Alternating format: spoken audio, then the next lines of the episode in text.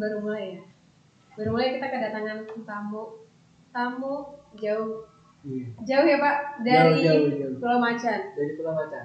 dari Pulau Macan sampai sini coba kan kita sulik dari Pulau Macan sampai sini perkenalkan diri dulu dong Oke, halo semuanya. Eh, nama gue Albert. Gue salah satu pengurus operasional di salah satu resort di Pulau Seribu, yaitu di Pulau Macan.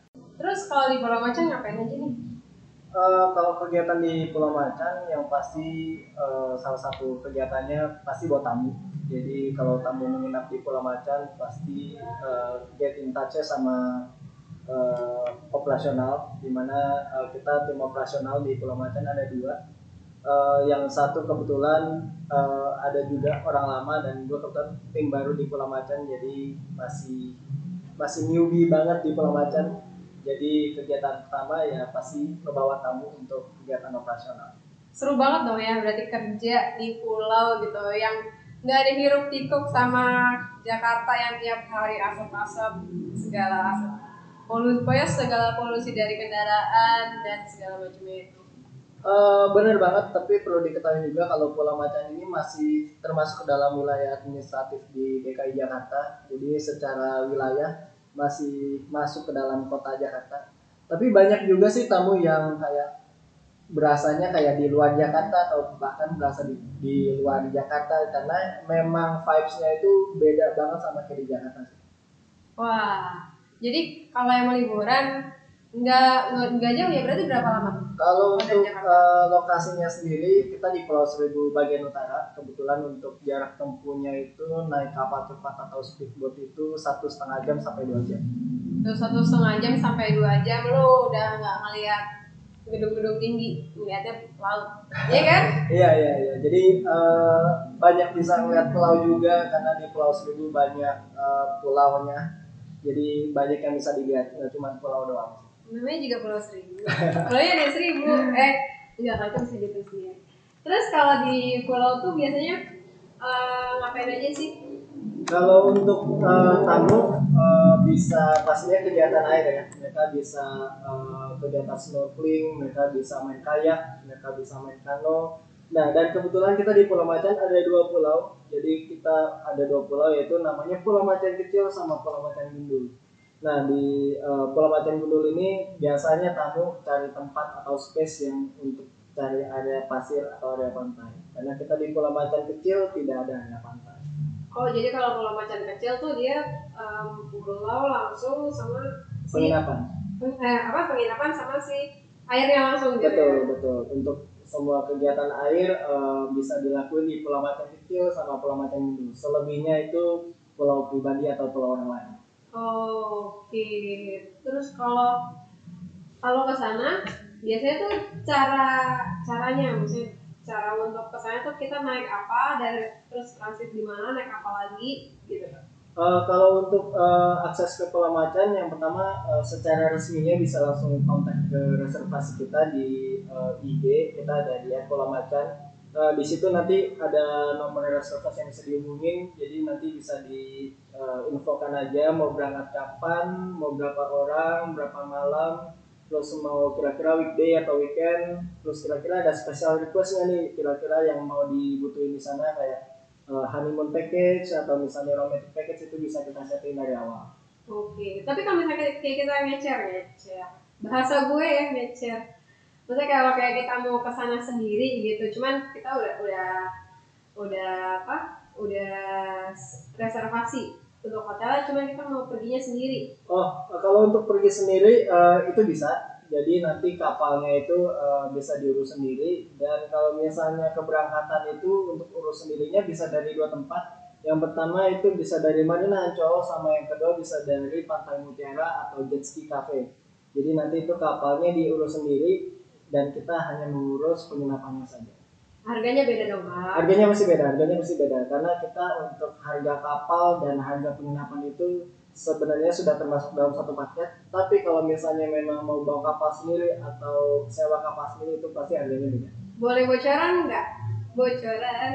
Biar mungkin ada teman-teman yang mau nginep terus kayak pengen tahu nih harganya tuh berapa sih semalamnya atau paket-paketnya terus kalau pakai kapal bareng reservasi sama hotel tuh berapa? Atau misalnya enggak enggak enggak sama kapal tuh berapa? Oke, kalau untuk nggak sama kapal eh, kita sekitar ada di range harga untuk weekday kita 2,5 sampai 3 juta. Untuk per malam dan per orang. per malam. Jadi bukan per kamar. Per malam per orang dua setengah sampai tiga juta Itu untuk weekday. Kalau untuk yang weekendnya kita ada di range harga 3 juta sampai 3 juta setengah kurang lebih untuk di weekend. ini udah tapi itu udah include semua pak Udah all include kita udah termasuk eh, tiket PP kapal untuk pulang pergi kita udah makan empat kali kita ada makan pagi, makan siang, snack sore dan makan malam. Terus kita sudah termasuk semua kegiatan air mulai dari snorkeling, penyewaan eh, baju snorkeling, mulai all include semuanya udah all include tinggal bawa ba- tinggal bawa badan aja. bawa badan aja sama bawa duit Betul. tapi bawa duitnya cuma buat buat reservasi bayar reservasi hotel segala macam ya di sana ada ada tukang jajan nggak sih kak? Kalau untuk eh, jajan kebetulan kita ada bar sendiri di Pulau Macan, terus kita ada beberapa mini shop, jadi nggak usah takut kelaparan, apalagi takut ke takut kehausan, karena kita di sana jual beberapa eh, pernak-pernik juga, jual beberapa makanan minuman ringan. Tapi kita bukan ada kayak Indomaret ya yang semuanya ada, jadi eh, untuk cemilan-cemilan harus dibawa dari Jakarta atau dari darat sebelumnya. oh tetap harus bawa cemilan sendiri Betul. kalau mau yang spesial spesial ya kan tapi kalau misalnya mau yang udah ada aja berarti udah ada Udah ada, kita udah ready semua di Macan. Berarti sebenarnya cemilannya di sana ada. Tergantung kalian nih kalau misalnya kayak takut pengen malam-malam pengen makan kuaci di pinggir laut gitu kan takut nggak ada di sana bawa sendiri. Betul, betul, betul. Terus kalau kerja di pulau tuh enak sama nggak enaknya pak? Eh, untuk enak dan gak enaknya relatif tergantung dari orangnya juga. Kalau misalnya enaknya itu eh, ketemu tamu yang eh, nggak ribet, jadi tamu lebih menghabiskan banyak waktu mengikuti jadwal kita aja. Tapi kalau misalnya nggak enaknya itu kayaknya nggak ada deh, hampir semuanya enak-enak aja dibawa santai karena dari kerjanya sendiri juga nggak terlalu stres, nggak terlalu banyak kerjaan juga. Jadi untuk sama tamu masih enak. Jadi kita nganggap tamu itu sebagai teman, jadi bisa dijadi teman ngobrol, bisa jadi teman curhat, bisa teman main juga. Tuh berarti kalau kalian ke Pulau Macan ada Kak Albert boleh nih curcol. Jadi malam-malam walaupun ke sana sendiri gitu kan terus malam-malam nggak punya teman Albert curhat dong bentar ya Ya, kan. jangan takut kalau di Pulau eh, kalau misalnya nggak ada aku atau nggak ada tim aku, jadi eh, staf pulau itu ramah-ramah. Jadi diajak ngobrol aja, mereka orangnya asik. Oh, berarti boleh semuanya. Nggak cuma Albert. Boleh, boleh, boleh banget. Nggak, nggak masa beneran sih kak nggak ada dukanya? Kalau dukanya apa ya? Paling kalau kita ketemu hujan atau ketemu lagi angin kenceng, eh, itu pasti suasananya beda banget. Karena kalau di pulau udah hujan atau angin, itu artinya kita nggak bisa ngapa-ngapain. Artinya harus stay aja di kamar, nggak bisa keluar karena satu hujan dan angin cukup kencang. Dan namanya di pulau, kalau misalnya angin sudah kencang itu siap-siap aja untuk eh, hujan atau merasa dingin karena beda banget suasananya kayak di kota beneran beda banget Oh berarti kalau kayak cuaca yang sekarang nih gimana? Kalau untuk- lagi agak kurang bagus ya. Iya, kalau untuk cuaca kita di bulan Januari sampai Februari itu kebetulan lagi musim-musimnya hujan sama musim angin. Tapi untuk mendekati akhir eh, Februari itu udah mulai normal, apalagi begini-begini, jadi ombak udah relatif lebih tenang, eh, cuaca juga hujannya intensitasnya ringan, jadi nggak hujan dari pagi sampai malam seharian nggak. Beda sama di Jakarta juga cuacanya. Oh oke berarti ada geser ke sana cuacanya berbeda. Betul, sekarang betul. Jakarta tuh, tuh hampir tiap malam hujan gede dan eh, lumayan banyak kenangan eh genangan genangan ya Iya iya betul betul. Jadi eh, beda suasananya kayak di Jakarta. Jadi kadang kalau misalnya di Jakarta lagi hujan, kita di pulau bisa seharian panas. Begitu sebaliknya kalau di pulau hujan, di Jakarta bisa seharian panas. Oh, berarti kurang lebih seperti itu kondisi pelajaran geografi ya, jadi awannya pindah gitu kan. Awalnya pindah, awalnya pindah. Terus eh, kenapa kakak bisa nyampe kerja di pulau? Eh, sebenarnya waktu itu nggak sengaja, jadi emang belum niat untuk kerja. Tapi kebetulan ada salah satu sosial media, gue sebut aja Instagram. Jadi eh, mereka pasang lowongan untuk kerja di salah satu PT yang menaungi dari kegiatan operasional di Macan. Dan kebetulan waktu itu yang mereka butuhkan adalah yang eh, punya kompetensi atau eh, punya kemampuan atau pengalaman di bidang pariwisata sebelumnya. Dan karena gue orang pariwisata, jadi kayaknya gue rasa cocok dan gue apply di sini. Oke. Em, berarti cara ngapainnya tinggal tergantung dari mereka menyediakan lowongan itu atau enggak. Betul betul. Tergantung kualifikasi dari eh, perusahaan yang membutuhkan seperti apa. Oke. Terus em, trik-triknya nih kak, biar mungkin kan ada ya teman-teman di sini yang sekarang lagi kuliah di perhotelan atau kuliah di pariwisata untuk jurusan perhotelan gitu Iya. kan. Itu gimana sih kak biar eh, kadang kan mungkin ada yang mereka di daerah gitu hotel nggak terlalu banyak. Iya iya betul betul. Itu buat masuk ke bidang yang sesuai gitu. Ada trik-trik khususnya nggak sih? Kalau untuk trik khusus sebenarnya nggak ada, tapi kalau yang perlu dikuasain banget itu kalau bisa bahasa Inggris itu wajib wajib bisa, nggak usah yang terlalu fasih atau yang terlalu jago. Eh, yang penting bisa lancar ngomong bahasa Inggris yang dan yang penting harus pede. Karena kalau misalnya udah bisa ngomong bahasa Inggris dan ketemu tamu bule itu kadang suka black out, semuanya hilang. Yang penting intinya pede aja dulu. Pede dulu. Pede aja dulu. Masalah-masalah bisa atau nggak bisa urusan belakangan.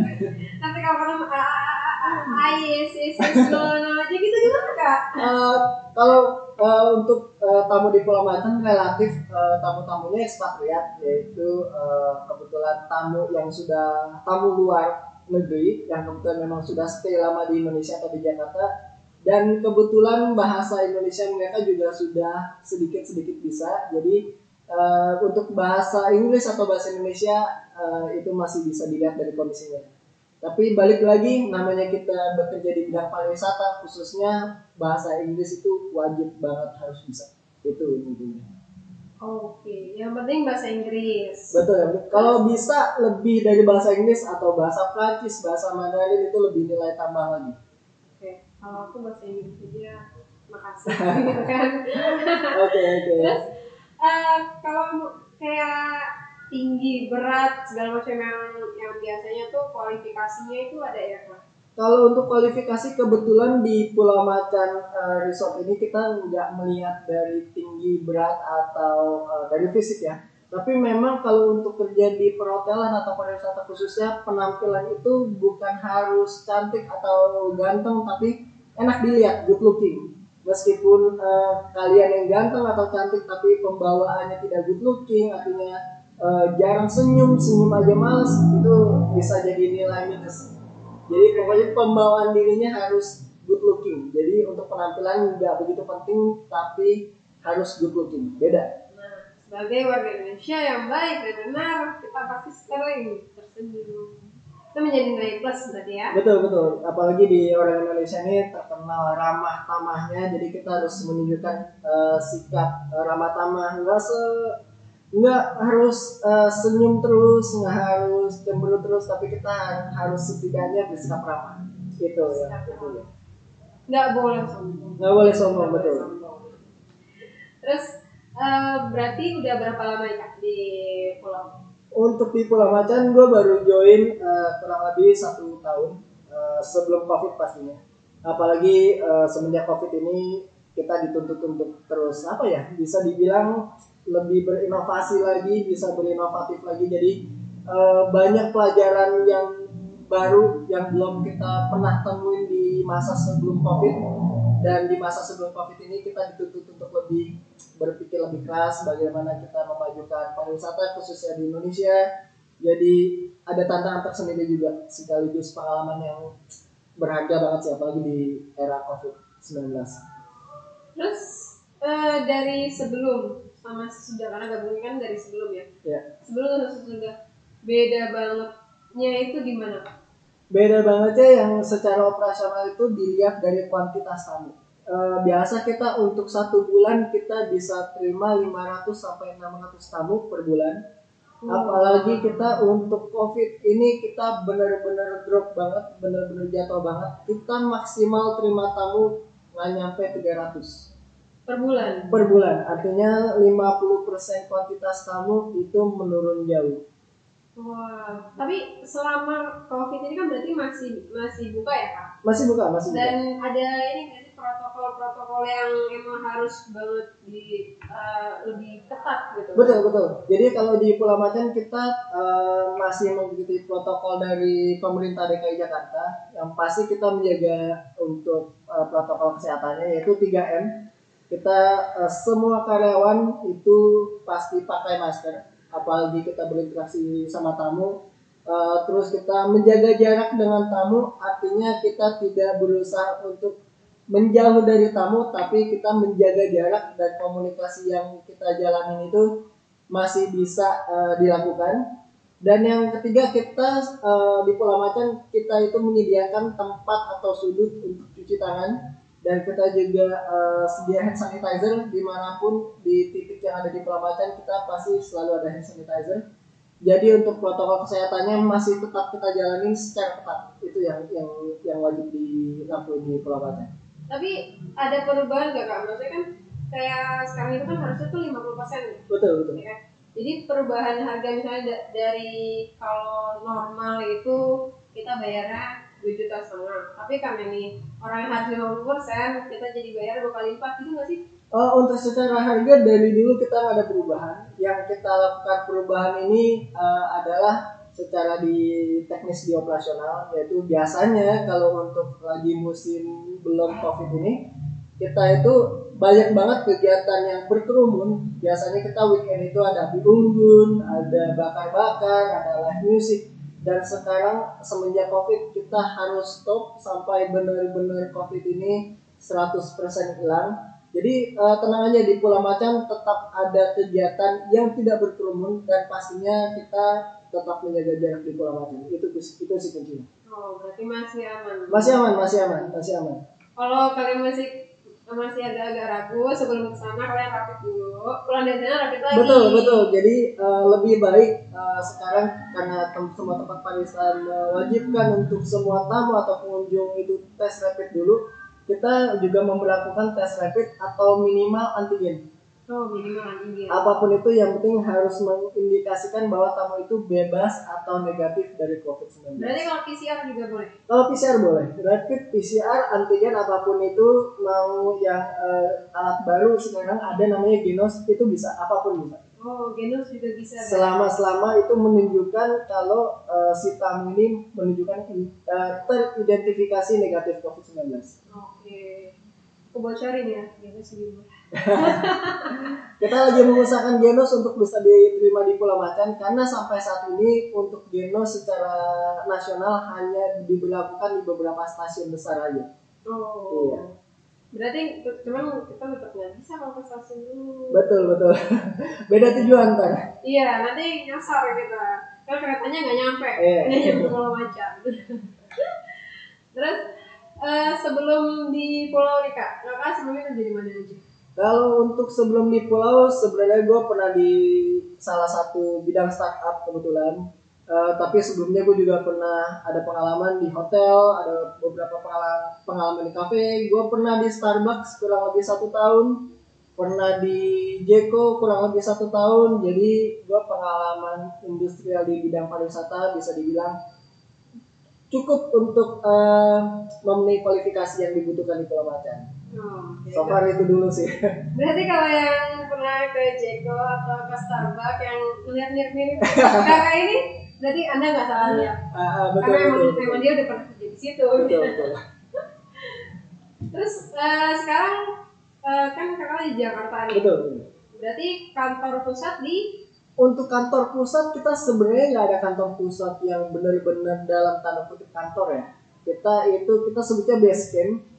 Jadi eh, kantor eh, atau base camp kita ini letaknya ada di sekitar Pondok Indah, masih eh, di Jakarta Selatan. dan itu uh, kantornya cukup enak. Nggak terlihat seperti kantor malah kayak ya tadi gue bilang malah jadi kayak base camp. Jadi kita mau ngumpul mau meeting mau untuk main-main aja tuh boleh banget. Jadi kita sebutnya base camp kan kantor. Base camp. Jadi base-nya asik banget ya Iya, kita nggak ada kantor tapi adanya base camp nggak ada kantor cuy, ada base camp. Kayak kita mau kopdar-kopdar ngopi-ngopi bareng betul ya. betul betul Di base camp aja, gitu. nggak usah keluar-keluar. Terus em, kalau teman-teman kan tadi udah dikasih tips dan trik ya buat Iya. kalau mau masuk ke dunia eh, pariwisata. Terus tadi dukanya juga karena cuaca aja. karena cuaca betul Kalau nggak ada kalau cuacanya oke, itu nggak ada suka semua. suka semua Tapi selama kakak kerja itu ada polisi tidurnya nggak sih? Polisi pasti pasti namanya eh, tantangan pasti ada eh, terutama namanya kerjaan kita masih kerja sama orang artinya tuntutan pasti selalu ada jadi ya kita tergantung pembawaan kita aja gimana kalau misalnya memang kita serius apalagi kerjanya sesuai passion harusnya nggak jadi tantangan yang cukup berat sih. Itu kayak jadi pelajaran aja buat kita. Kalau sesuai passion ya kerjanya. Kalau sesuai passion, Kalau sesuai belajar. belajar. Kalau nggak sesuai passion, Eh, ya kalau nggak sesuai passion diusahakan untuk bisa beradaptasi dengan lingkungan kerja kalian di mana pun kalian kerja karena kunci untuk tetap bisa sukses atau bisa tetap berkelanjutan di bidang yang kalian tekuni adalah cepat beradaptasi atau gampang beradaptasi itu kuncinya oh, kuncinya jadi kayak kucing, ya kan? Kucing atau air ya. Jadi kalau di wadah kotak, dia jadi kotak, wadah bulat jadi bulat. betul betul betul ya kan? Terus kak, nih aku punya pertanyaan andalan, cie. Em, kakak sekarang kan udah ngelewatin banyak pekerjaan, ya ya beberapa dari A B C D E. Terus eh, serta kehidupan sampai di umur yang sekarang. Kita Iya. nggak boleh nyebut umur ya. nggak boleh nyebut Nggak umur boleh nyebut umur. nggak boleh nyebut umur Em, buat em, apa sih pesan-pesan dari diri kakak yang sekarang buat diri kakak yang ada di 10 tahun yang akan datang. Pesan-pesan untuk diri gue di masa 10 tahun yang akan datang. Ya gue rasa gue harus thank you banget sama di masa-masa gue sekarang. Karena kalau misalnya gue nggak bertahan di umur kayak gini mungkin gue akan lebih berat untuk ngejalanin di 10 tahun yang akan datang. Artinya kita harus tetap eh, menjaga sikap baik harus tetap positive thinking terus kita harus bisa jaga kualitas diri kita apalagi kita lagi di masa-masa susah. Jadi kita harus tetap bisa beradaptasi yang pasti. Eh, untuk di masa 10 tahun yang akan datang mungkin kita nggak tahu apa yang bakal kejadian tapi setidaknya kita udah prepare dari awal. Itu sih kuncinya. Prepare dari awal. Prepare dari sekarang. betul prepare dari sekarang. Lu bungkus-bungkus dia tuh dari sekarang.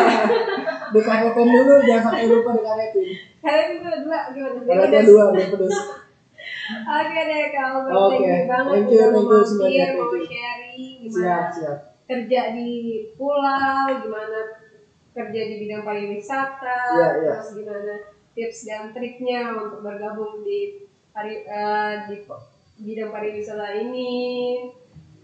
Banyak banget motivasinya di sini kan. betul betul jadi Walaupun udah gue korek-korek nih, tetap nggak dapet ya. Jawabannya nggak dapat tetap nggak dapet dukanya, nggak apa-apa deh. Dan itu artinya eh, Kak Albert menjalankan semuanya sesuai dengan sesuai passionnya. passion betul sesuai passion Jadi nggak ada dukanya kalau sesuai passion. nggak ada dukanya nggak ada tantangan yang cukup berarti karena di semuanya dijalani dengan santai Dengan dengan santai. santai itu kuncinya Ya penting santai. dan jangan terlalu banyak rebahan Lo nggak boleh banyak nggak boleh rebahan. banyak rebahan Harus gerak. Harus gerak terus, harus produktivitas terus. Lewati rumah. Oh, beda cerita. Aduh. Kenapa sih hari ini aku dari motor ya? Thank you Kak oke Albert. thank you juga Kapan-kapan kita main lagi. siap siap siap boleh boleh thank you semuanya Oke, thank you. Bye-bye. Bye-bye.